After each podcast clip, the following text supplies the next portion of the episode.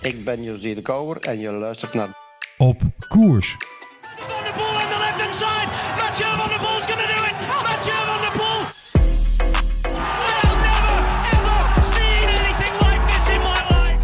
Opeens zo'n gevoel dat we in de halve finale gaan komen. Ik ben Peter Winnen en je luistert naar Op koers. Eigenlijk lijkt Feyenoord veel meer op Ajax dan dat Feyenoord zelf beseft. Dit is Bergkamp. Dit is Bergkamp. Max Verstappen in de laatste bocht in Barcelona. Dit is Bergkamp. Is Bergkamp. Jaren zit je naar dingen te kijken en te open. En daar is hij. Oh, chapeau, top de Malin. Amazing performance. Yo, hey. Yo, ho. Yo, fucking hell, wat bizar. Vraag je af, je ziet nu 1 kilometer vlak. Op koers. Scream his name. I have been Tom Dumoulin. What a great ride that was. Tactiek of het gebrek aan tactiek was dit sportweekend doorslaggevend in bijna alle sportmomenten. Welkom beste wielenvrienden en sportvrienden bij een nieuwe aflevering van Op Koers. En we gaan het deze aflevering hebben over de Giro d'Italia die, nou ja, echt flitsend van start gegaan is. Sommige mensen hebben er een verkoudheid aan overgehouden, zo flitsend. We gaan het hebben over het moment van de week. We gaan het hebben over het eredivisievoetbal en dan met name het gebrek aan tactiek wat zich daar tentoonspreidde. En we gaan het hebben over de chaspatat. Wat is er blijven hangen, maar niet gelukt.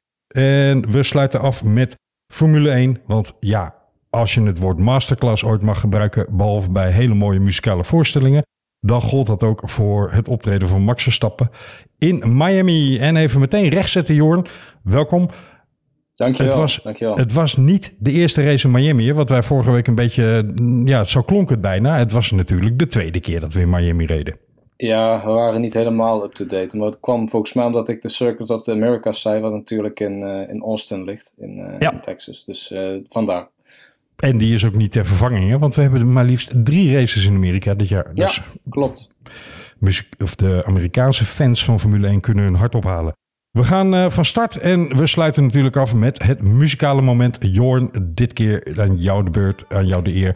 Eh, Maar we houden dat tot het eind als verrassing. Welkom bij Op Koers. Jorn, Ja, Camille. heb jij eh, net als ik een beetje vierkante ogen van alle sport die je gekeken hebt? Ik, eh, ik heb zeker vierkante ogen. Ik kon het weer, eh, weer niet bijhouden. Ja, volgens mij begon Wesley daar vorige week ook al mee. Van, nou, je hebt, eh, ik heb wel echt van alles moeten, moeten zien op twee, drie schermen tegelijk. Ja, dat is dit weekend eigenlijk weer. Hè? Ik bedoel, ik, ik begin gewoon met die, die, die, die, die Vuelta Femenina. Die hebben we natuurlijk gehad. Eh, Giro, die is begonnen. Ja, de Eredivisie die nadert zijn ontknoping. Alhoewel ontknoping. Eigenlijk is het ja, het is nu toch wel bekend wat er, eh, wat er eh, gaat gebeuren. En met de plekken 1, 2 en 3. Nou, 3 misschien nog niet helemaal. Maar Dat 1 en vind je 2 leuk om te roepen, hè? lijkt zeker. Ja, ik eh, vertel het ook gewoon alsof er verder niks is gebeurd. Maar gaan we het dadelijk over hebben, Camille. Het was, het was weer een druk weekend. Ja, zeker. Ja, en laten wij eh, van start gaan met het grootste evenement. Nou ja, misschien is Formule 1 wel het grootste evenement. Maar wat mij betreft het mooiste evenement van dit weekend. En dat was uiteraard de start van de Giro d'Italia. Iedereen heeft al gezien dat Roglic eh, op 43 seconden eindigde en dat Remco Evenepoel het roze pakte. 22 jaar na de laatste roze trui voor België was het feit nu dan eindelijk wel daar. Ik heb eigenlijk niet op Sportza gekeken of ze dit keer ook alles weer roze hadden. Maar, ehm, Nee, maar ze hebben wel uitgebreide YouTube-filmpjes gepost. Met maar liefst 22 minuten aan Remco Evenepoel materiaal. Dus het, eh, misschien is alles niet dit keer in roze papier. In roze formaat op websites. Ik weet het niet. Maar er wordt genoeg aandacht aan besteed. Dus eh, berg je Ja. maar alvast als hij de Giro gaat winnen. En ik vond het schitterend dat Jeroen van Bellegem eh, op Eurosport het commentaar verzorgend met Karsten Kroon. Dat hij eh, toch nog ergens in de uitzending moest zeggen. En ja, er is geen Attila Valter die eh, in de weg kan zitten. Oh keer. ja, ja dat, dat viel mij ook op. Ja, sowieso natuurlijk een iconisch duo aan het worden van Belgium en Kroon. Ik kan er eerlijk gezegd best wel goed naar luisteren. Hè, het is, af en toe wringt het, af en toe eh, eh, eh, gaan de mannen met elkaar eh, in discussie. Karsten Kroon is sowieso wel een kleurrijk figuur om naar te luisteren. Dus ik, eh, ja, ik, ik kijk er graag naar. Ja. Ik vind het altijd schitterend als eh, Jeroen van Bellegem me weer zo'n eh, zo'n vraag waar je alleen maar over kan struikelen van... eh, ja, wie werd er 22e in de 16e etappe in eh, 1994 of zo? Hè? Ja. Dus iets, Ja. iets wat gewoon niemand weet. Ja, die Ehm, kroon dan, eh, ja, geen idee. Ja, of, of dat hij dat hij zegt, ja, nou, ja. En dan zegt Jeroen van Bellegem, ja, Ma- Mario Cipollini. En dan hoor je Karsten komen. Hm. En echt meer ongeïnteresseerd kun je geen hm, door de is, microfoon eh, slingeren. ja, dat- ik, ik moet eerlijk zeggen, nou je het zegt, we hebben niet zo'n duo, hè, zoals Van Bellegem en Kroon. Die zijn toch vrij uniek eh, in, in een, eh, in een, ja, Ja, het is een het is af en toe net Bassie en Adriaan hoor. Ja, precies. het, is, het is echt grappig om naar te kijken. Ja, Ja. maar goed. Jorn, ik ehm, moet zeggen, mij heeft de uitslag van de openingstijdrit in de Giro d'Italia niet heel erg verrast. Ik had, eh, ja, jij speelt geen Scorito natuurlijk, maar ik had Evenepoel als kopman. Wat mij wel enigszins verrast heeft, is dat het gat met Roglic wel 43 seconden was. Terwijl Jumbo-Visma aan de afloop heeft gezegd, nou, we hebben zijn waardes gezien, die zijn uitstekend. En ja, wij kijken eigenlijk naar het gat naar uh, Filippo Ganna, de nummer twee in de uitslag van de tijdrit. Want ja, uh, Evenepoel is gewoon een uitzonderlijk talent op dat vlak. Dus om je daaraan te spiegelen is misschien onzin. Mm. Hoe vind jij die redenering? Moeilijk. Um, kijk, als we het hebben over wat zijn prima waardes. Ja, uh, Roglic zal ongetwijfeld prima waardes hebben getrapt. En ik had eerlijk gezegd dat gevoel ook wel een beetje. Zo van, nou ja, volgens mij heeft hij helemaal geen hele slechte tijdrit gereden. Maar wat moeten die waardes van Evenepoel dan wel niet zijn? Hè? En hoe, hoe moet die wel niet... Uh, uh, ja, dat, dat, dat, dat moet dan echt bizar zijn. Als je kijkt ook naar die verschillen, naar die afstanden... naar het verschil tussen Evenepoel en de rest... en vervolgens de verschillen van die rest. Ja, dat is, dat is echt wel heel, heel groot. Ik, ja, het, is, het is inderdaad uitzonderlijk. En het lijkt wel alsof hij al alsof hij al echt huis heeft gehouden. Als in, dit, dit, dit gaat niet meer spannend worden. Ik weet het niet. Het is, nou ja. het is nog een lange Giro te gaan. En het is absurd om te zeggen, het is beslist. Maar ja, ga hier maar eens tegenin. Ja, de voorbereiding van uh, Jumbo-Visma was natuurlijk alles behalve ideaal. Met een aantal mannen uh, die uitvielen vanwege coronaverschijnselen. Sommige daarvan zoals Jos van Emden, waren al vervanging. Die kwam ter plekke in Italië volgens mij aan en uh, werd daar geconstateerd. Had ook corona onder de leden en kon weer lineair naar huis. En ja, als dan Jan Tratnik ook nog tijdens een training wordt aangereden, dan uh, zijn de rapen helemaal gaar. Uiteindelijk is dat een behoorlijke aderlating voor de ploeg. Maar zeg ik er dan ook bij, Roglic heeft natuurlijk altijd wel wat, wat uh, ploegsteun nodig. Hè? Bidon halen, uh, eventueel een fiets als je gevallen bent, weet ik veel, allemaal dat soort zaken. Maar Roglic is ook wel echt een Einzelganger in dat opzicht. En de Vueltas die hij gewonnen heeft, heeft hij op sommige vlakken meer gehad aan hulp van andere teams dan specifiek van zijn eigen Jumbo-Visma-team. Niet elke editie, maar dat is ook wel eens gebeurd. Dus ik vind het voor Roglic als individuele renner niet per se ja, dat je zegt, oeh, dit beperkt zijn kansen bijvoorbeeld al heel erg. En nee. Jumbo-Visma heeft gezegd, uh, we gaan die, die voorbereiding heel anders aanpakken, waardoor die scherp moet zijn in de derde week in plaats van al in het begin van de Giro. Ik had daarom gedacht, nou, 30 seconden kan hij best wel eens verliezen. Wat is dan 13 seconden, want hij verloor de 43. Uh, niet veel, maar wel een morele tik.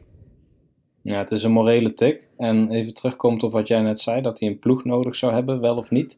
Ja. Um, mochten we nou inderdaad in hele bijzondere etappes terechtkomen, als in een, een Parijs-Roubaix-etappe zoals in de Tour, als in een Strade Bianca-rit in de Giro, als in, ja, ik weet niet, zo'n beetje als een onverharde rit of zo, zoiets, of een ploegentijdrit, even om het in perspectief te plaatsen dan had het natuurlijk wel verschil gemaakt. Hè? Van Aert die heeft hem echt wel bij, in, in bepaalde edities van de. Tour de France er doorheen gelood als een soort bodyguard. Weet je wel, die, op een gegeven moment zag je Van Aert toen zelfs wijzen waar hij moest rijden. Om goed uit de wind te kunnen rijden en zo. Dus, in die Roubaix-etappe bedoel je? Ja, ja, ja. Ja, ja, ja. Dus dat, um, ja, de Roglic die heeft dus eigenlijk best wel, um, ja, die, die, die zou afhankelijk kunnen zijn van zijn ploeg. Zij het niet dat hij, uh, dat hij ook wel wat jij net zegt, dat hij voor Weltas heeft gewonnen. Uh, door vooral te profiteren van andere ploegen. Dus ik, uh, ik, ja, ik beaam het eigenlijk gewoon wat je zegt. Ja.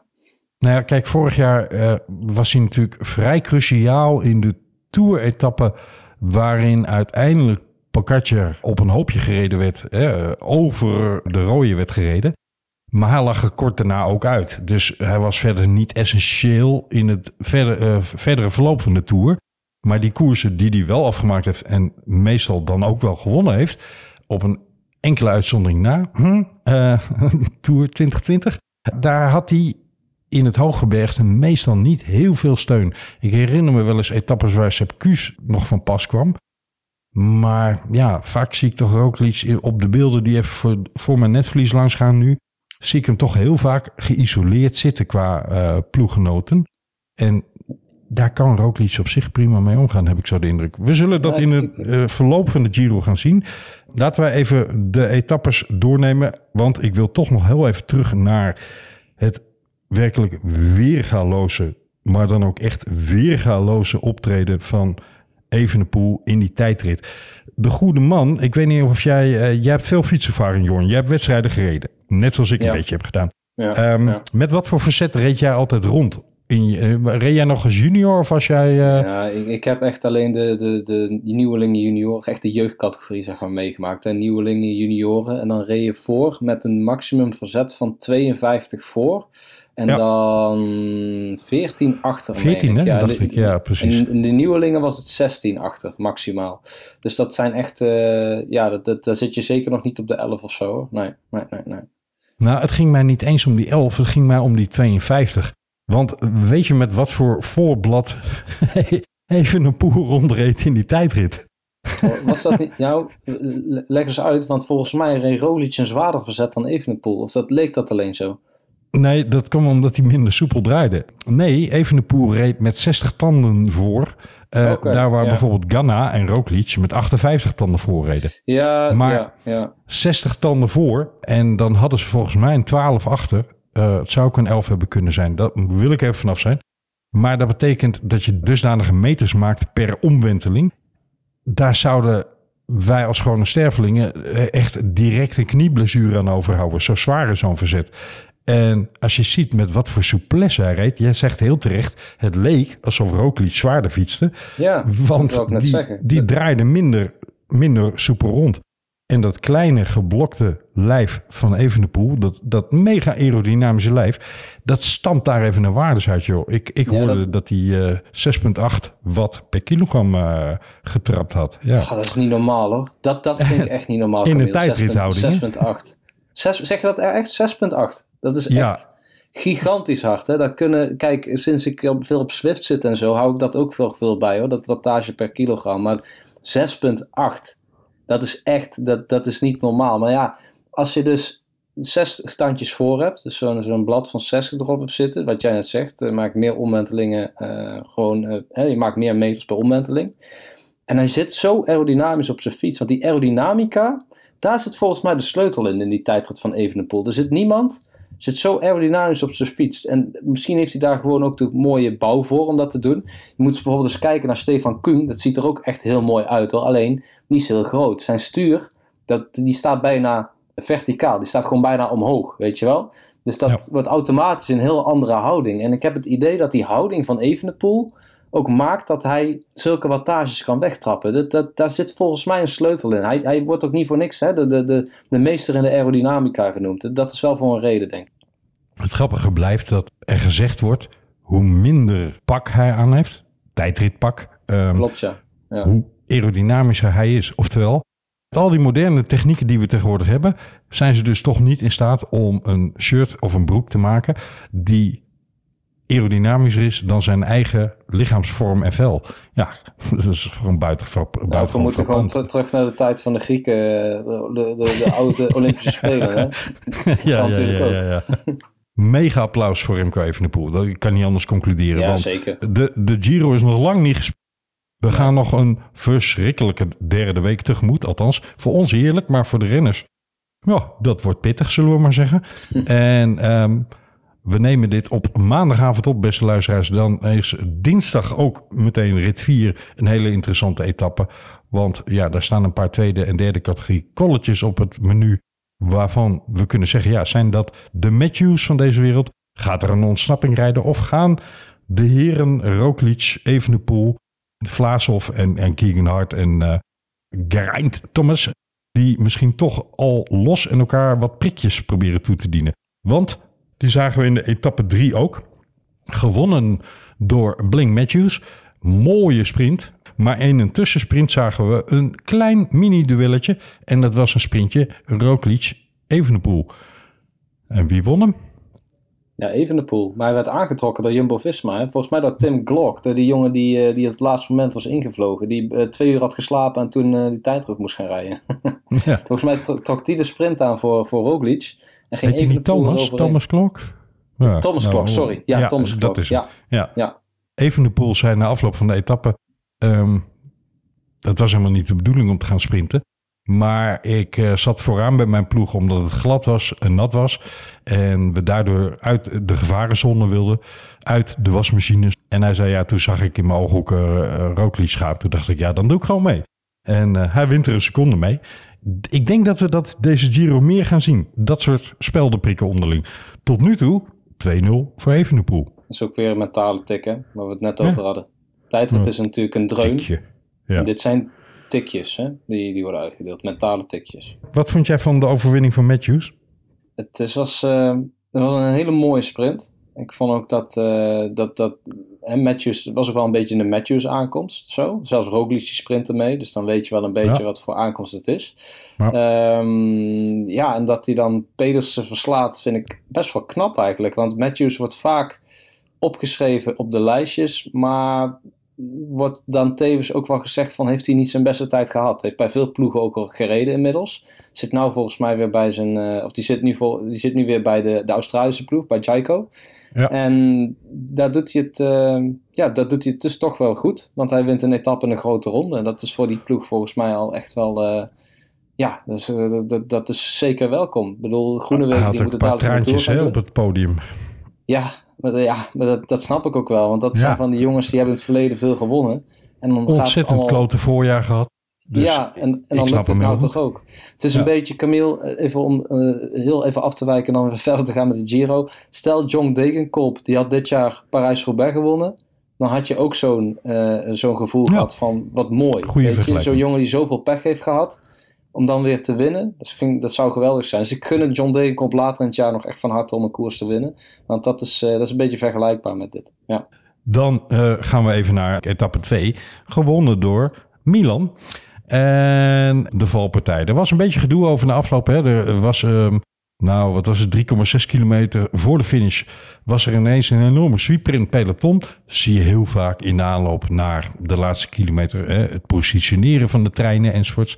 En Evenepoel eh ontsnapte daar ten nauwe nood aan de valpartij... omdat hij nog net het achterwiel van Cheney kon ontwijken. Ja. En Cheney die kreeg weer een sweeper van ehm, de trein van eh Kaden Groves. Oftewel, Alpes in de. Koning. Oh, sorry, Alpecin. Ja, ja, ja, Ja. die reed voor Eh, ja. En, en daar was een beetje gedoe over. Evenepoel zei na afloop, ja eh, jongens, eh, zo moeten we niet gaan rijden met elkaar en enzovoorts. Ik dacht bij mezelf, ja wacht even hoor, maar dit gebeurt ongeveer in bijna elke massasprint. En dat er nu toevallig een paar onderuit gaan en ook tegen dranghek en publiek aan komen, is natuurlijk heel lullig. Zeker voor Daan Holen, ehm, Ja. die er een paar lelijke kneuzingen aan overhoudt. Maar ja, het gebeurt. Dit hoort bij sprintetappes. Zo, hoe, hoe stom het ook klinkt. Misschien moet ik het Thijs Zonneveld in gedachten corrigeren. Misschien hoort dit er niet bij, maar het gebeurt stevast. Ja, het was wel eh, lelijke vallen met dat, met dat publiek inderdaad bij en zo. Maar het, Formule 1 zou dit een race-incident noemen. Dat, kon, dat is niet echt... eh, Precies. ja, toch? Het was niet, Ja. niet echt dat je zegt van wat een bizarre valpartij. Zoals eerder dit jaar van die jongen die, eh, die ergens eh, via het stoepje eh, zijn evenwicht verloren en het hele peloton meeneemt. Dat was eh, ongeveer het tegenovergestelde van, van wat dit is. Dat was toch in Vlaanderen? Die reed door een drassige Ja. berm en, en toen een Ja, plas die- door en knalde zo het peloton ongeveer Ja, die diagonaal Poolse in. jongen. Die Poolse jongen van. Bahrein was dat. Dus. Dit, dit, daar kun je dit echt niet mee vergelijken of zo. Dus dat, Nee. daar moeten we ook niet te veel over uitweiden, denk ik. Het mooie is, John, je hebt van die beelden van Velon. Tenminste, ik hoop dat ze er nog steeds zijn. Ehm Velon maakt af en toe van die beelden. Dan hebben ze een cameraatje aan eh, zadels en, enzovoorts. En dan Ja. zie je dus beelden vanuit het peloton zelf. En dan valt je pas op. ehm, je hebt wel eens in een pelotonnetje gereden. Ik ook.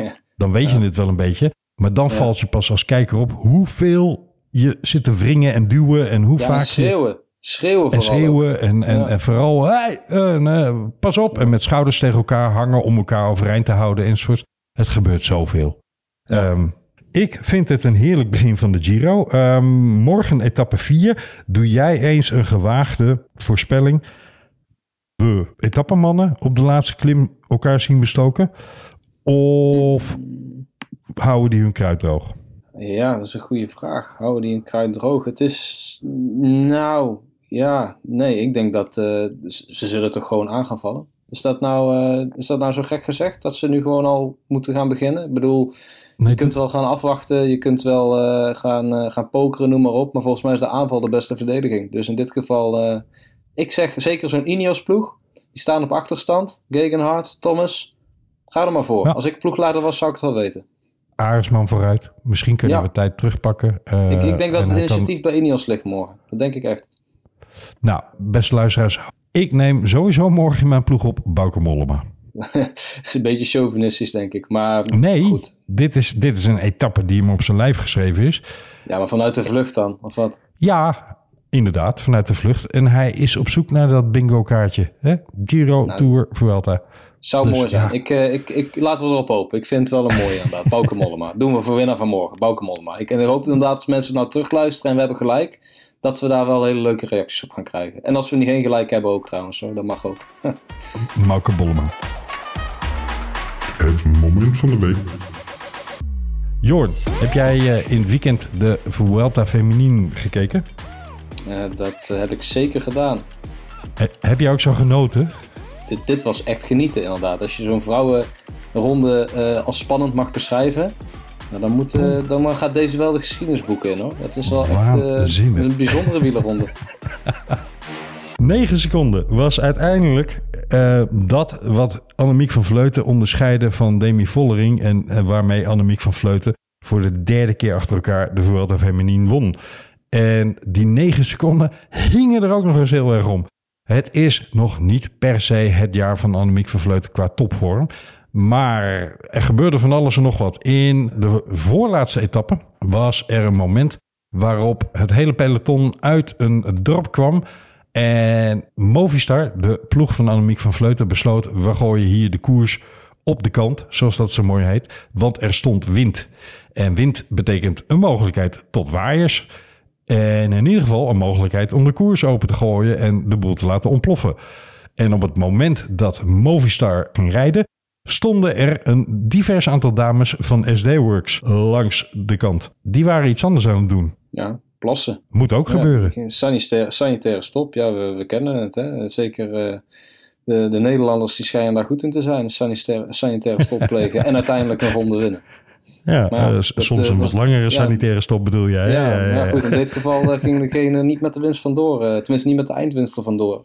Demi Vollering. Ja, ze werd tweede uiteindelijk in het algemeen klassement. Dan loop je even vooruit op waar ik naartoe wilde. Want waar ik naartoe wilde, is dat na afloop van de etappe die gewonnen werd door Realini en Annemiek van Vleuten klopte in de sprint met een fotofinish. Maar daar werd Annemiek van Vleuten tweede. En die pakte 1 minuut 11 winst op Demi Vollering. Die namelijk nooit meer terug in het peloton gekomen is.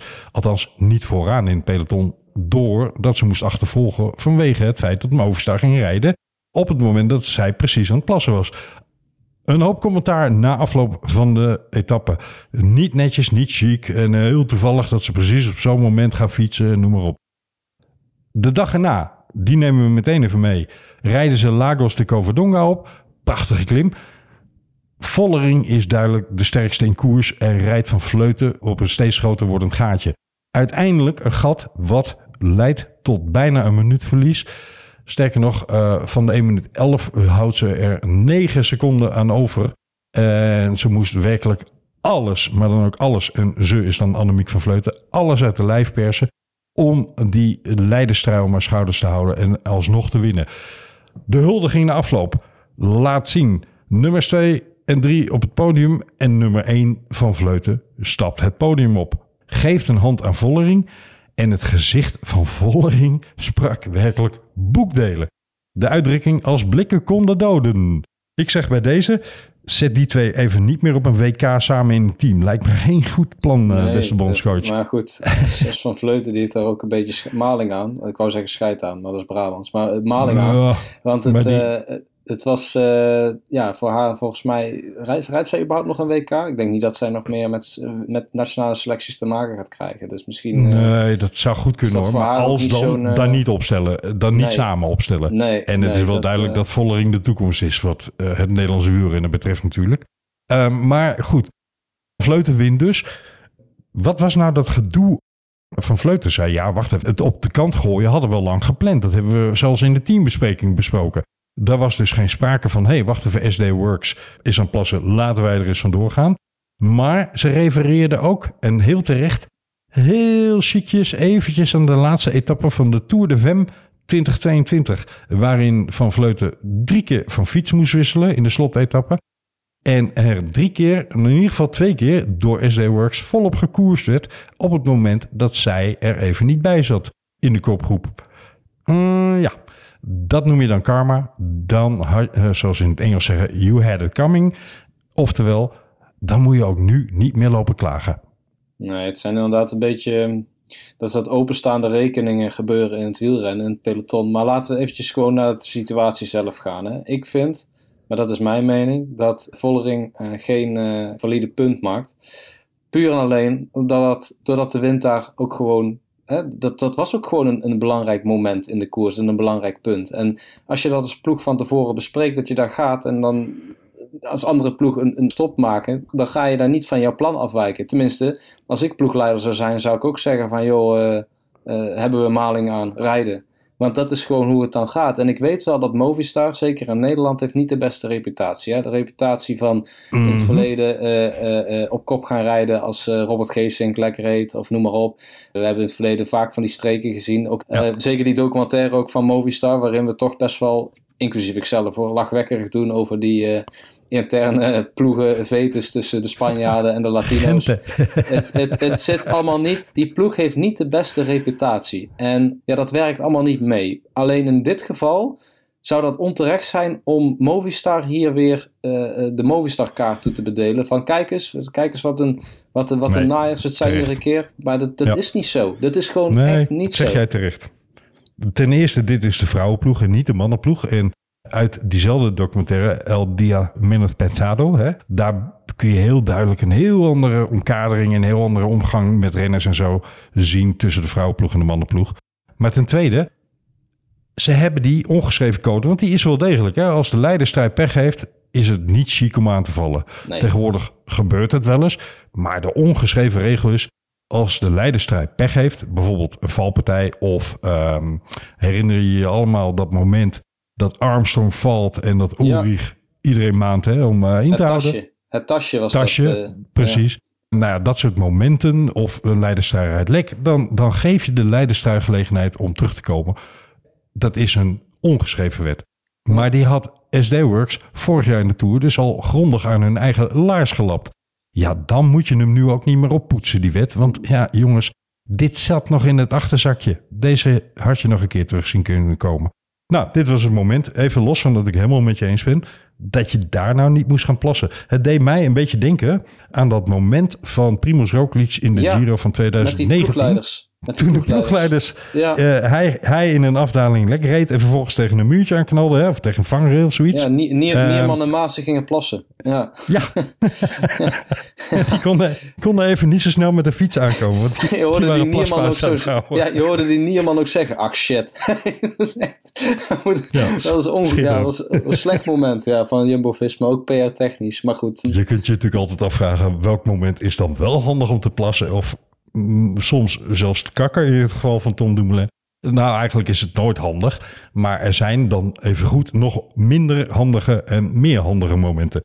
Maar genoeg daarover. Ik vond dat wel het moment van de week. We hebben Demi Vollering terecht geprezen. Want ze rijdt een fantastisch voorjaar. En ze heeft hier in deze Vuelta nog eens een wijze wielerles geleerd. Namelijk, in een etappekoers moet je altijd op je kievieven zijn. Hoe goed je ook bent. Ja, precies. Zelfs als je de aller, aller, allerbeste in koers bent. Want dat laten we nog even na om te zeggen. Ze was ook ja. echt de beste in koers, maar ze Absoluut. heeft uiteindelijk niet gewonnen. Ja. Kop en schouders, maar uh, net niet om uh, ja, die negen seconden nog te overbruggen. Overigens ook nog eventjes Marianne Vos noemen, want Ja, wat een wilde hebben we toch, jongens, als, als Marianne Vos een leiderstrui een aantal dagen draagt, etappes wint. En je vervolgens Demi Vollering en nu nog Annemiek van Vleuten op de achterhand hebt voor de echte beslissende etappes waar het op klimmen aankomt. Ja, man, man, man, man, wat een luxe. Enfin, mooie koers gezien.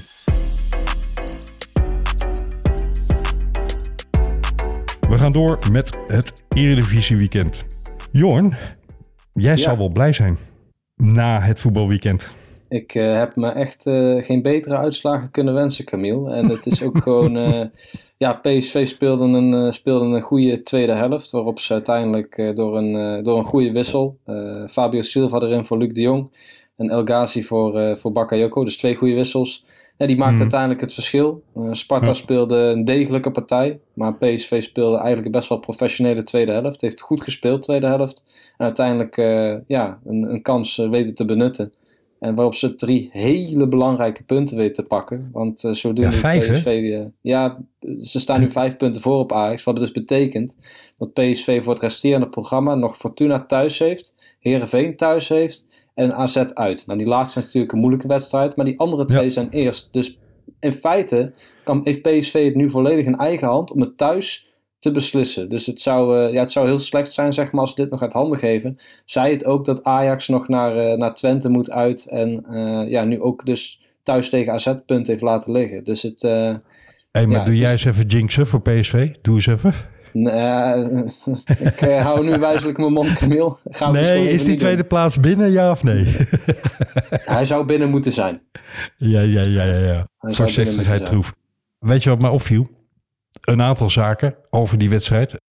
Allereerst een, een, een, mooi compliment voor Sparta. Want ja, die, die spelen een fantastisch seizoen. Hè? Ja, niet normaal, Zesde, hè? bedoel, dat, dat Ja. is, dat is uh, bo, ja, wilde. Dat is boven je, boven je kracht uh, spelen. Maar dat Ja, is dus hun kracht dit seizoen. Ja, Sparta maar is fantastisch. Ik vind Sparta echt, eh, vergeet het niet, hè, Sparta, S-P-A-R-T-A. Het is natuurlijk een geweldige ploeg. Een, de oudste profploeg van Nederland. Met een geweldige cultuur. En het is ze echt van harte gegund. Is een ploeg met veel, eh, ja, gewoon met, met ook met goede spelers. Goede trainer, Maurice Stijn. Echt een, echt een vakman eigenlijk. Die gewoon een heel Ja. leuk team heeft neergezet. Met onder andere Bart Vriends in de verdediging. Vind ik een leuke voetballer. En ook die spitsen, Tobias Lauritsen. Twee, bijna twee meter, wint ontzettend veel kopduels. De meeste eh, Ja. kopduels aangegaan eh, eh, van alle spelers in de eredivisie. En dus dat is eigenlijk een soort van tactiek die uitgevonden is eh, van Sparta dit, dit jaar. Tenminste, de tactiek die uitgevonden is. Een tactiek die binnen het elftal is uitgevonden. Laat ik zo zeggen. Die, eh, ja. die, die werkt. Hè? En een kopper die een stuk minder loopt te zuigen en zeuren dan een andere kopper waar we het in deze podcast al eens eerder over gehad hebben. Want het leek wel alsof Luc de Jong nog steeds op standje aan stond. Ja, die heeft niet geluisterd, eh, denk ik. Ah, wat man. afgelopen weekend allemaal is verteld. Ik vond het gênant. Ik vond het echt gênant. Ja, het, is, eh, het blijft een terugkerend fenomeen. Ik, ik vond wel, Camille, dat dit weekend over het algemeen... Over Luc de Jong heb je misschien gelijk, hè, maar over het algemeen werd er wel wat minder gezeken. Hoor. Dus het is niet zo Daarom dat... eh, viel het ook zo op, hè? Ja. Ja, dat is waar. en- Dat is waar. Ja. En aan de andere kant, ik heb me wel weer ook lopen storen. Nou, dan ga ik er toch weer een Ajaxiet overheen gooien. Aan de kopstoot van Alvarez. Die jongen die speelt ook echt met vuur. Hè? Tien gele Ja, kaarten dit jaar. En dit had precies nummer 11 hetzelfde verhaal. moeten zijn. Had- dus dat, dat blijft mij ook verbazen. Dus weet je, dus maar hij dat- raakte hem niet, hè? En, en ja, het was de beweging. Maar ja, ik, ik vind de beweging aan zich ook wel rood waard. Nee hoor, eens. Die had ook geen, eh, geen, eh, geen heten van... Goh, doe het nou eens allemaal een beetje normaler... en een beetje minder aanstellerig... en een beetje fatsoenlijker vooral. Als we het hebben over het niveau van Ajax AZ... dan zou ik het woord fatsoenlijk eigenlijk niet willen gebruiken. Nee. Sterker nog, de opbouw van Ajax was zo stroperig... dat ik trek in wafels kreeg. Die heb ik gejat hoor. Ik las hem ergens. Ja, Maar zo ik vond hem zou je wel heel mooi. Nee, maar ik denk dat bij Ajax, eh, daar gaan we het misschien nog een andere keer over hebben. Hoor. Zeker een aanloop naar komend seizoen. Daar moet ook wel de bezem door de selectie natuurlijk. Want dit, eh, daar heeft die nieuwe, die nieuwe eh, technisch directeur, Ronald Waters noemde hem trouwens... Een, Wacht even, Jorn. Wacht even. He- hebben, hebben wij ook een rubriek De Open Deur? Want die gebruikte jij net. Welke open deur gebruikte ik dan? Dat de bezem door de selectie moet. Ja, nou ja. nou, dat is wel een understatement, toch? Ja, nou, klopt. Je hebt, je hebt helemaal gelijk. Maar goed, ik weet wel dat eh, de, de, de technisch directeur, als we dan over open deuren mogen spreken, die heeft in ieder geval een grote taak te doen. Dat is die Duitser, Sven Mislintat. Maar Ronald, Wa Ronald Waterreus, die noemde hem eh, gekscherend de gepensioneerde skileraar. Nou vind ik dat een Ja, beetje... ja. Biertje? ja, ja. ik, ik, Hij lijkt ik, erop, hè? ik, ja, daarom. Ik vond hem eigenlijk ook wel grappig. Dus ik vond hem ook te mooi om nu te laten liggen. Maar aan de andere kant, de man heeft nog niks eh, eh, kunnen doen. Dus laten we hem toch niet, niet eh, eh, gaan veroordelen. Maar vooral beoordelen dadelijk op de, de transferzomer. Die zowel bij Ajax als bij PSV een, ja, een, een hele memorabele transferzomer eh, waarschijnlijk gaat, gaat zijn. Als je kijkt naar wat daar allemaal weg zal gaan en wat er dan weer nieuw gekocht moet worden. Maar goed, Eén ding is eh, zeker. De combinatie Tadic-Bergwijn staat wat mij betreft volgend jaar niet meer op het veld zoals ze dat dit jaar hebben geprobeerd. Namelijk Bergwijn op links en Tadic daar een beetje ja, eh, hangend achter. Want die lopen elkaar gewoon veel te veel in de weg. Ja, maar even een vraag dan tussendoor, Camille. Want jij bent dan ajax hè? Moet Tadic nou blijven? Of moet hij weg? Of moet hij een andere functie krijgen? Of moet hij minder minuten gaan maken? En als hij dan minder minuten gaat maken, gaat hij dat dan accepteren? Wat gaat er eigenlijk met Tadic gebeuren? Nou, kijk, Tadic heeft, eh, ik herinner me de wedstrijd eh, tegen Real Madrid in 2019.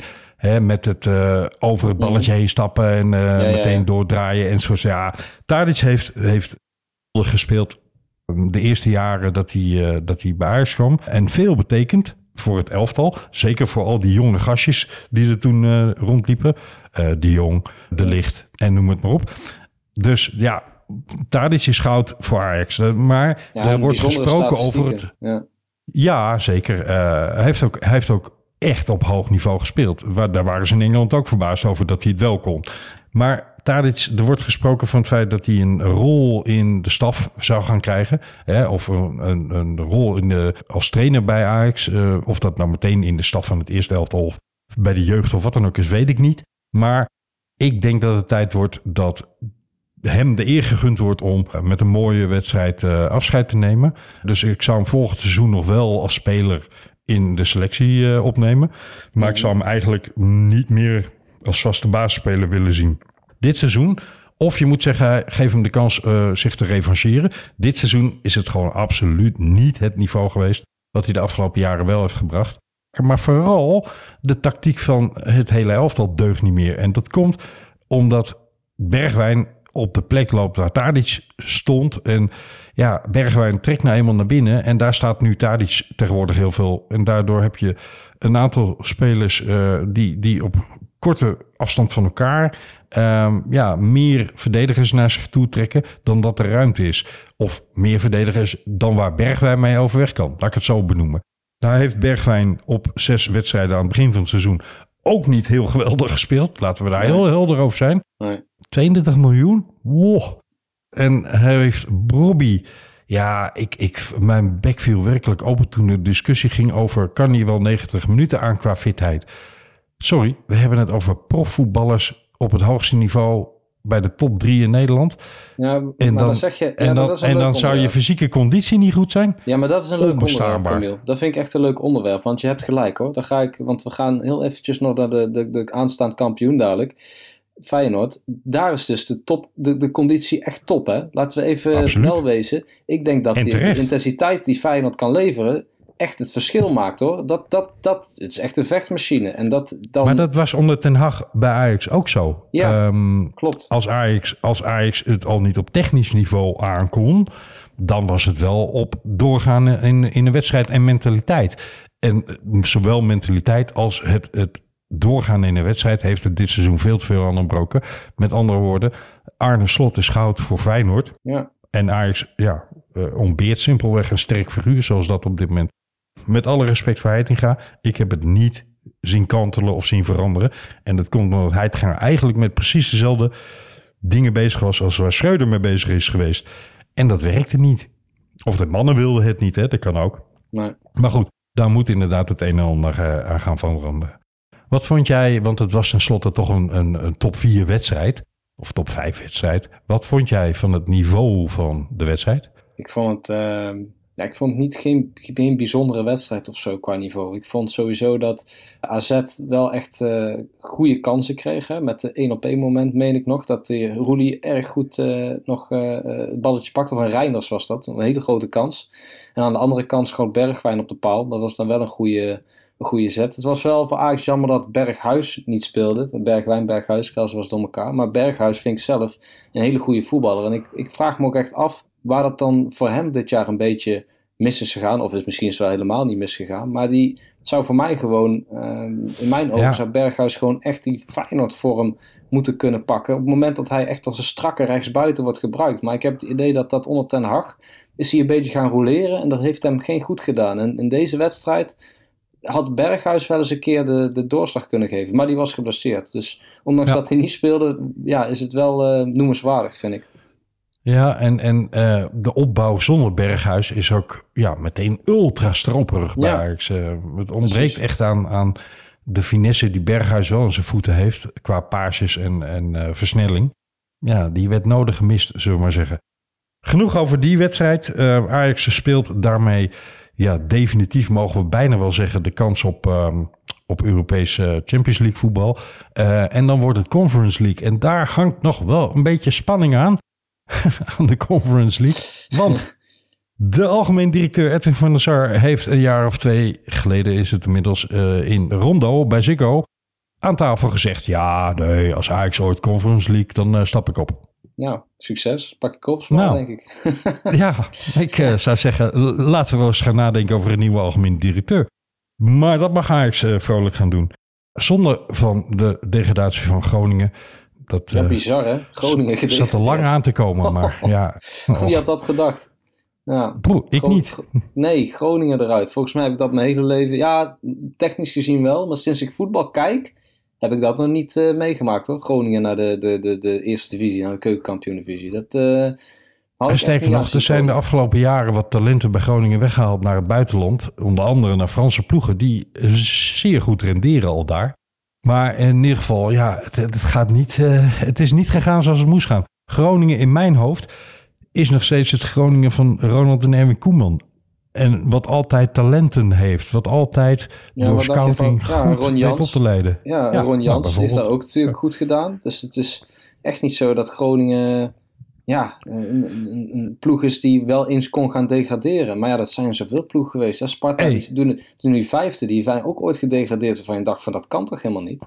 Maar, goed. maar mag ik jou even een naam helpen herinneren over grote spelers bij Groningen gesproken? Arjen Luis Suarez. Oh ja, Arjen Robben. Nog eentje. Ja, Luis Suarez. Ja. Jij, jij wil naar Suarez toe. Nee, ik wil gewoon aanduiden dat Groningen en degraderen, dat, is, oh, dat, dat, ja. dat, dat, rijmt niet met elkaar. Maar nee. het is gebeurd. Sterk daarvoor alle Groningen supporters. En ja, ik hoop echt dat uh, Groningen snel weer, uh, weer terugkomt. Wat dat betreft. hey, we gaan naar de Jaspatat. Want dan kunnen we het voetbal afsluiten, jongen. Wat is de Jaspatat? De Jaspatat. Een moment dat is blijven hangen, maar niet is geslaagd. Jaspatat. Jaspatat. Nou, ik moet wel eens nodig sassen. Dat kan wel kunnen, ja. En de Jaspatat van deze week, dat is Marinus Dijkhuizen, de trainer van Excelsior die doodleuk even zegt dat het kunstgras, dat wil ik even benadrukken, kunstgras niet was gesproeid, want dat had dan in het voordeel van Excelsior en in het nadeel van Feyenoord gewerkt. Mijn hemel, Camille, dat kunstgras, hè? Nou, ben ik even blij. Ik heb vandaag nog eventjes goed uitgezocht hoe het, hoe het, hoe het nu gaat. Vanaf het seizoen 2025-2026 zal kunstgras uh, definitief verleden tijd zijn. Hiervoor had, was daar volgens mij een unanieme, uh, uh, moest daar een unanieme stemming over zijn. Dus iedereen moest er over eens zijn. Nou, Heracles was de ploeg die dat altijd tegenhield. Ja. Toen is Heracles weggegaan, is er gestemd voor het feit dat er voortaan een 5 6 stemming nodig was. En nu is dus die 5 6 stemming bereikt, waarop dus eigenlijk op 1 december het de formaliteit wordt dat kunstgras uh, verleden tijd gaat zijn in het Eredivisie voetbal. En mijn hemel, wat is dat fijn. Want die plastic velden, ik heb niks tegen Emmen, ik heb niks tegen Heracles, ik heb niks tegen Volendam. Maar ongelooflijk, wat liggen daar een klote velden op. Het is gewoon, ik wil bijna zeggen dat competitievervalsing is. Want dat zie je nu ook. Helemaal met je eens, Jorn. Maar even terug naar, naar de uitspraak zelf, de Chaspatat. Ze wilden dus niet sproeien, omdat... Nee ja, je, je- eigenlijk creëer je anti-voetbal daarmee. Hè? Ja, dat, dat willen we toch juist niet. Kijk, ik geef alle... eh, eh, eh, Italiaanse trucjes dit. Europese Ja. wedstrijden. Wil de Italianen wel eens heel veel sproeien of eh, niet sproeien? Of weet je wel, dat soort dingen. Ja, nou, ik, herinner, je, ik, ik herinner me een verhaal van Ruud Gullit. Die zei, we moesten de kampioenswedstrijd tegen Napoli spelen. En we lagen op de dertigste verdieping van een hotel. Geen last van vuurwerk en fans zouden hebben. ja. dat, dat doen ze nog dat steeds soort vaak. trucjes doen er maar aan denken. Ja, ja, ja, vuurwerk doen ze nog steeds vaak bij hotels in de Champions League. Daar zijn ze in Eindhoven ook eh, kampioenen. Maar goed, daar gaan we nu niet over uitweiden. Het, eh, het ding is dus dat nou, die, die kunstgrasvelden vind ik sowieso helemaal niks. En ik vind ja, het bewust niet gaan sproeien van een kunstgrasveld. Prima, Italiaanse trucjes noem jij net. Ik, eh, ik heb er niet zoveel mee. Dus dat bij deze, de chas patat van deze week. Kunstgras is, is, is, is gewoon uit den boze. Arne Slot heeft daar ook al op gereageerd. Die, eh, en terecht. Die vindt dat niet kunnen. Ik vind het ook niet kunnen. Dus eh, ik denk op deze Eens. wil ik het onderwerp kunstgras ook weer heel snel afsluiten. Drie keer niks. Eh, wat wel drie keer alles was, was de overwinning van Max Verstappen in Miami. En dat zeg ik niet per se uit chauvinisme, want ik ben een groot Formule 1-fan. En eh, mochten de luisteraars denken, ja, ja, ja, is tegenwoordig niet iedereen een Formule 1-fan? Nou, ik kijk al sinds 1981 Formule 1. Ik heb Nelson Piquet in de Brabham BMW Turbo eh, wereldkampioen zien worden.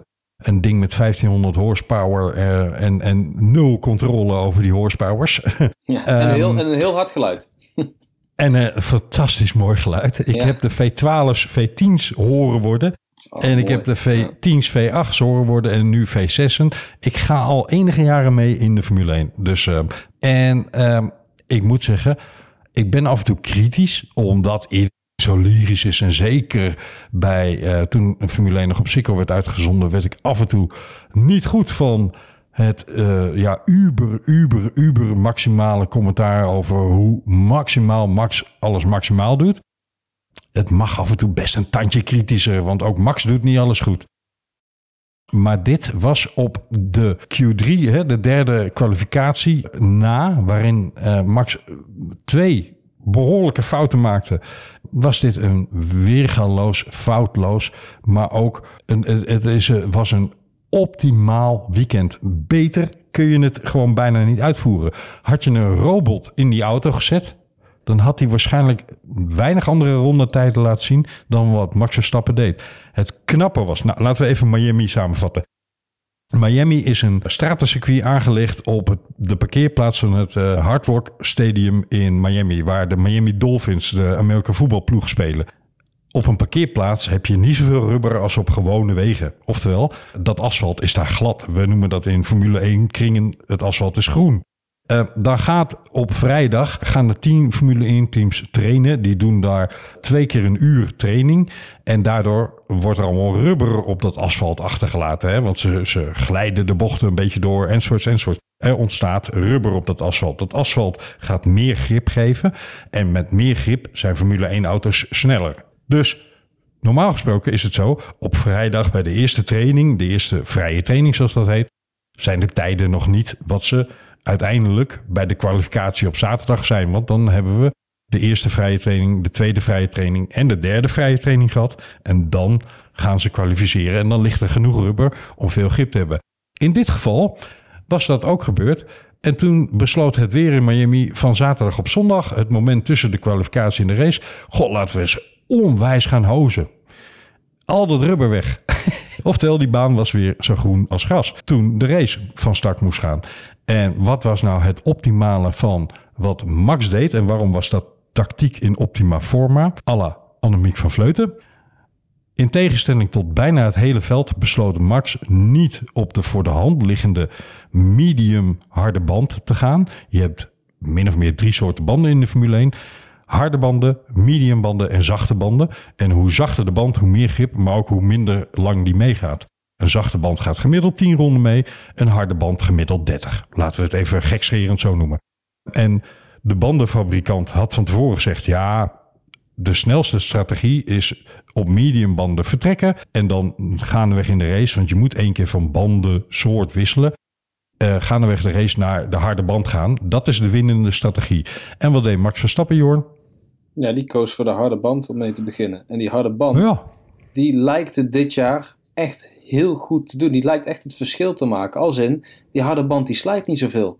Met andere woorden, Verstappen die ging zelfs nog snelste rondes rijden. Logisch, want minder benzine. Maar die ging echt nog verdomde hard op die harde band. Die al eigenlijk aan het einde van zijn Latijn had moeten zijn. Wat gebeurde er? Max was in, doordat hij in de kwalificatie een fout had gemaakt, te veel snelheid in de auto in een paar cruciale opeenvolgende bochten wilde stoppen. Daardoor brak de achterkant van zijn auto een beetje uit. Moest hij corrigeren, had hij te weinig snelheid voor het rechte stuk wat erna zou gaan komen. En hij brak zijn kwalificatieronde uit. En toen wilde hij een paar minuten later nog een keer een ronde gaan rijden om een snelle tijd neer te zetten in de kwalificatie. En toen reed hij achter Charles Leclerc aan. En niet voor het eerst reed Charles Leclerc zijn Ferrari aan gort. Dat overkomt hem toch een beetje te vaak voor een Nou, topcoureur, sowieso die vind ik, Ferrari zat er weer een klote winkeld. Ik weet niet of jij Sainz en Leclerc op het einde nog hebt zien, hebt zien bakkeleien met elkaar. Ja, niet bakkeleien met elkaar, maar nog echt flink in discussie gaan met elkaar. Van jongens, dit is onbestuurbaar. Dit is gewoon niet te doen. Die, die zijn Maar echt die, eh, die die niet Ferraris, die, die, die zakten ook helemaal weg qua rondetijden. Die werden op het laatst ook nog eh, links en rechts ingehaald door eh, Janne Alleman. Ja. Eh, waaronder Lewis Hamilton, die overigens een weergaloze race reed. Complimenten. Ik vond hem echt de tweede sterkste coureur eh, op de baan. ja, vond je? Ehm, ik vond dat dat Alonso was. Nee, Alonso reed een fantastische race. Maar Alonso werd terecht derde, omdat die auto ook terecht de, ja, De best of the rest, tweede sterkste auto. Ja, de best of the rest. Ja. Maar die Mercedes van Lewis Hamilton, die kwam echt niet vooruit. En zeker met, want Lewis Hamilton startte ook op de harde band. Eh, zeker toen hij op de harde band reed. Hij startte als dertiende. Hij reed na 20 ronden of zoiets nog steeds als dertiende. Sterker nog, hij had niet eens snelheid om met een DRS open een inhoudactie te doen op een haas of zoiets die voor hem reed. Dus nee, pas toen hij naar medium ging, kon hij aan zijn opmars beginnen. Daar zat natuurlijk ook wel een beetje pitstopwisselingen enzovoorts bij. Maar hij reed vanaf het moment dat hij op die mediums ging, eh, ging een weergeloze race. Even terug naar hoe de race zich ontwikkelde. Max moest, omdat hij geen kwalificatieronde had kunnen rijden in het laatste deel van de kwalificatie, vanaf de l- P9, de, de negende startrij, eh, startplek starten. Terwijl zijn teamgenoot, Perez, die had polepositie, oftewel die startte vanaf de allereerste plek. En die twee zijn met elkaar in, eh, in gevecht hè, voor het wereldkampioenschap. Dat zag er niet gunstig uit, ook omdat ja, al dat rubber weggespoeld was en deze baan toch al bekend staat als als je van de ideale lijn afwijkt, dan is het, omdat er geen grip is, heel moeilijk inhalen. Wat bleek? Daar had Max met die harde band, die al minder grip heeft dan al die auto's om hem heen met mediumbanden, daar had Max maling aan. Weergeloze inhaal- inhaalacties. Op een x-moment waren Leclerc en Magnussen in een Ferrari en in een Haas, wat eigenlijk een soort bij elkaar gesprokkelde Ferrari is, want die kopen alles wat Ferrari te verkopen heeft. Ehm, die waren met elkaar in duel en Max dacht, als jullie vechten, ga ik er met de been vandoor. Twee auto's in één bocht ingehaald. Fantastisch ma- manoeuvre, echt weergeloos. Hij ging op die harde band en net zo hard als eh, zijn teamgenoot op de mediumband. Maar hij wist hem ook 42 ronden in te zetten. En zo lang gaan harde banden gemiddeld ook weer niet mee hoor, Jorn. Nee. En het mooie was, toen Max vervolgens wisselde naar de mediumband... en Perez het eigenlijk andersom gedaan had een aantal ronden daarvoor... die wisselde van de medium naar de harde band... Toen zag je dat Perez niet kon aanhaken bij het tempo wat Max reed op de medium. Daar waar Max het wel kon op de harde band toen Perez op de medium reed.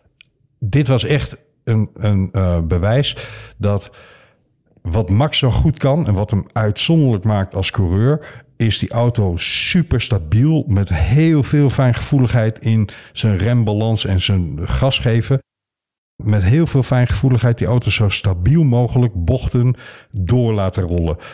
Daar waar Perez daar iets meer moeite mee heeft en dus meer van de banden vraagt. En je zag op het laatst ja, dat er veel meer snelheid in, in zijn rondes had kunnen zitten als hij zijn banden niet had moeten sparen. Weergeloos uitgevoerd, tactisch heel sterk van het team, eh, van dat deel van het team wat Max Verstappen's garage vormt. En ja, overwinning die, eh, die wat mij betreft echt wel bij... eh, Hij was niet heel spannend, maar hij was zo perfect uitgevoerd. Och man, Ja, het was- dit kunnen er moment- heel het weinig. was- Het was één moment heel spannend, hè, Camille. Bij die inhaalactie van Verstappen op, op Perez. En daar zei de commentator eigenlijk wel terecht van Perez streed, maar hij hield ook weer een beetje in. En dan kun je je afvragen, als het andersom was geweest, had, had Max hetzelfde gedaan? Was hij aan de kant gegaan? Waarschijnlijk niet. Nee. Waarschijnlijk En, niet, hè? eh, nee, nee, Nee, en vorige weekend in Baku was Max natuurlijk aan het zeuren over dat, ehm, dat eh, George Russell met zijn Mercedes in zijn zijkant beukte. En, maar had Max in nee, 2021 niet diverse keren de zijkant van Lewis te pakken en andersom. Eh, dus je moet Max niet verwijten dat hij inconsequent is. Want ja, Max is een egoïst, eh, een aardsegoïst. Moet ook. Ik vind hem ook heel, ja, ik vind hem heel vaak niet heel fijn overkomen in de media. Af en toe denk ik wel eens, man, hou je grote mond nou eens een keer. Of doe eens een keer iets fatsoenlijker. Het zal je niet schaden. Aan de andere kant, dat maakt hem ja, wel tot de kampioen die die, eh, die, die is. Ja. En als hij het niveau blijft rijden waarin hij in Miami het hele veld, ik wil niet zeggen degradeerde, maar wel voor spek en bonen mee liet rijden. Ja, dan eh, komt die derde wereldtitel zeker in bereik. Laten we niks jinxen. Ehm, maar een voorbeeld daarvan was dat Fernando Alonso, die echt een topseizoen aan het rijden is en een fantastische auto onder zijn kont heeft, dat hij van tevoren had gezegd: Ik vermoed dat Max mij in ronde 25 in zal halen. Ja. En eh, Alonso startte vanaf de tweede plek. Dus die zag al aankomen dat Max hem wel zou inhalen vanaf de negende plek. Maar die zat er even tien ronden naast, want dat was in ronde 15 al het geval. Zo goed was de opmars van Verstappen. Ja, daar was echt geen kruid tegen gewassen voor niemand. Prachtig. Nee, prachtig inderdaad. Gewoon echt weer zo'n inhaalrace zoals we het kennen van Verstappen. Hè. Het lijkt wel gewoon op het moment dat Verstappen, hoe verder die achteraan komt te staan, hoe beter die eigenlijk rijdt. Want ja, dan mag je gaan inhalen, dan mag je gaan racen. Hij zal ongetwijfeld eh, niet mee eens zijn. Want ik denk dat hij gewoon een goede kwalificatie wil rijden en gewoon van kop tot staat wil, eh, wil domineren. Maar stiekem Ja. is het wel leuk als hij op plek 9 moet starten, toch Camille? Het maakt eh, races wel spannender. Ja. Ja.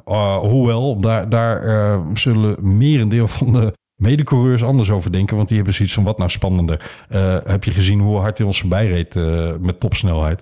Dus zo spannend vonden die het waarschijnlijk helemaal niet.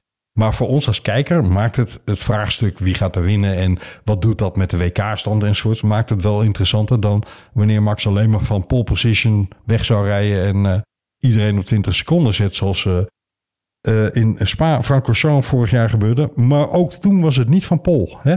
Dat was ook zo'n masterclass. Zijn voorsprong in het WK overigens is nu weer 14 punten.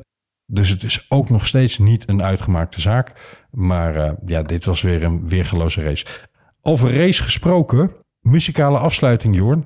Want we Ja. moeten er eh, een punt achter gaan zetten. Ik ga heel eventjes, en dan lijkt het haast wel alsof ik een, eh, want het gaat de tweede keer zijn dat ik het ga benoemen in deze podcast, maar alsof ik een Songfestival fan ben. Dat ben ik helemaal niet. Sterker nog, ik kijk meestal niet eens. Maar we hebben toch een linkje met het Songfestival en over race gesproken. De jury telt niet mee bij de halve finales. Dan wordt het puur alleen de kijkers die mogen stemmen. Uh, gisteren was Max Verstappen driver of the day door de kijkers die mochten stemmen. Ik ben benieuwd of, of onze Nederlandse inzending het net zo goed gaat doen als Max. Ik geloof het niet. Maar dat terzijde. Dat is eigenlijk een heel ingewikkeld bruggetje naar jouw muzikale keuze waar we mee afsluiten. Ja, sorry.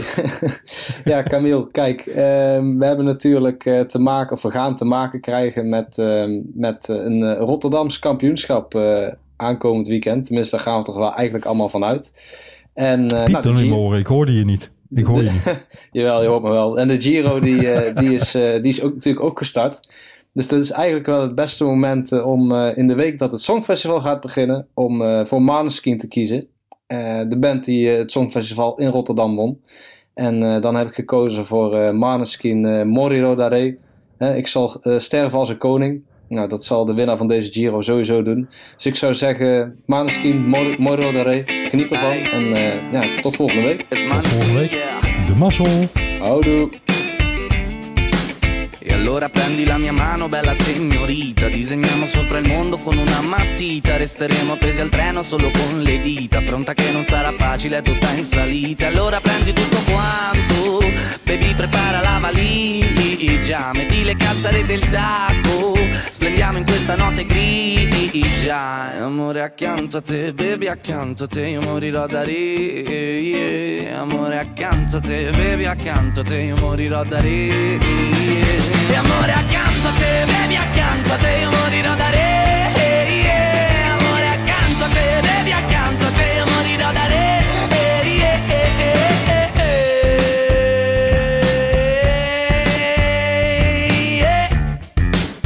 Oh no no no no no no no. Ed anche quando starò male sarò troppo stanco. Come fuoco avanzerò per prendere tutto quanto Ciò che aspetta ed essere pronto ad affrontare il branco Non voglio tornare indietro, adesso parto Allora bevi, bevi, bevi, asciuga il pianto Bevi, bevi, bevi, bevi dal mio piatto Se tu puoi cadere in piedi anche dall'alto Se tu puoi cadere in piedi anche dall'alto E Amore accanto a te, baby accanto a te Io morirò da re yeah. Amore accanto a te, baby accanto a te Io morirò da re yeah. Amore accanto a te, baby accanto a te Io morirò da re yeah. Te, baby accanto a te Io morirò da re. Yeah. Marlena Vinci la sera, spogliati nera. Prendi tutto quello che fa comodo e sincera. Apri la vela, dai, viaggia leggera. Tu mostra la bellezza a questo popolo e Marlena Vinci la sera, spogliati nera. Prendi tutto quello che fa comodo e sincera. Apri la vela, dai, viaggia leggera. Tu mostra la bellezza a questo popolo e Marlena Vinci la sera, spogliati nera Prendi tutto quello che fa comodo e sincera Apri la vela, dai, viaggia leggera Tu mostra la bellezza questo popolo ed io Amore accanto a te, bevi accanto a te Io morirò da re, yeah. Amore accanto a te, bevi accanto a te Io morirò da re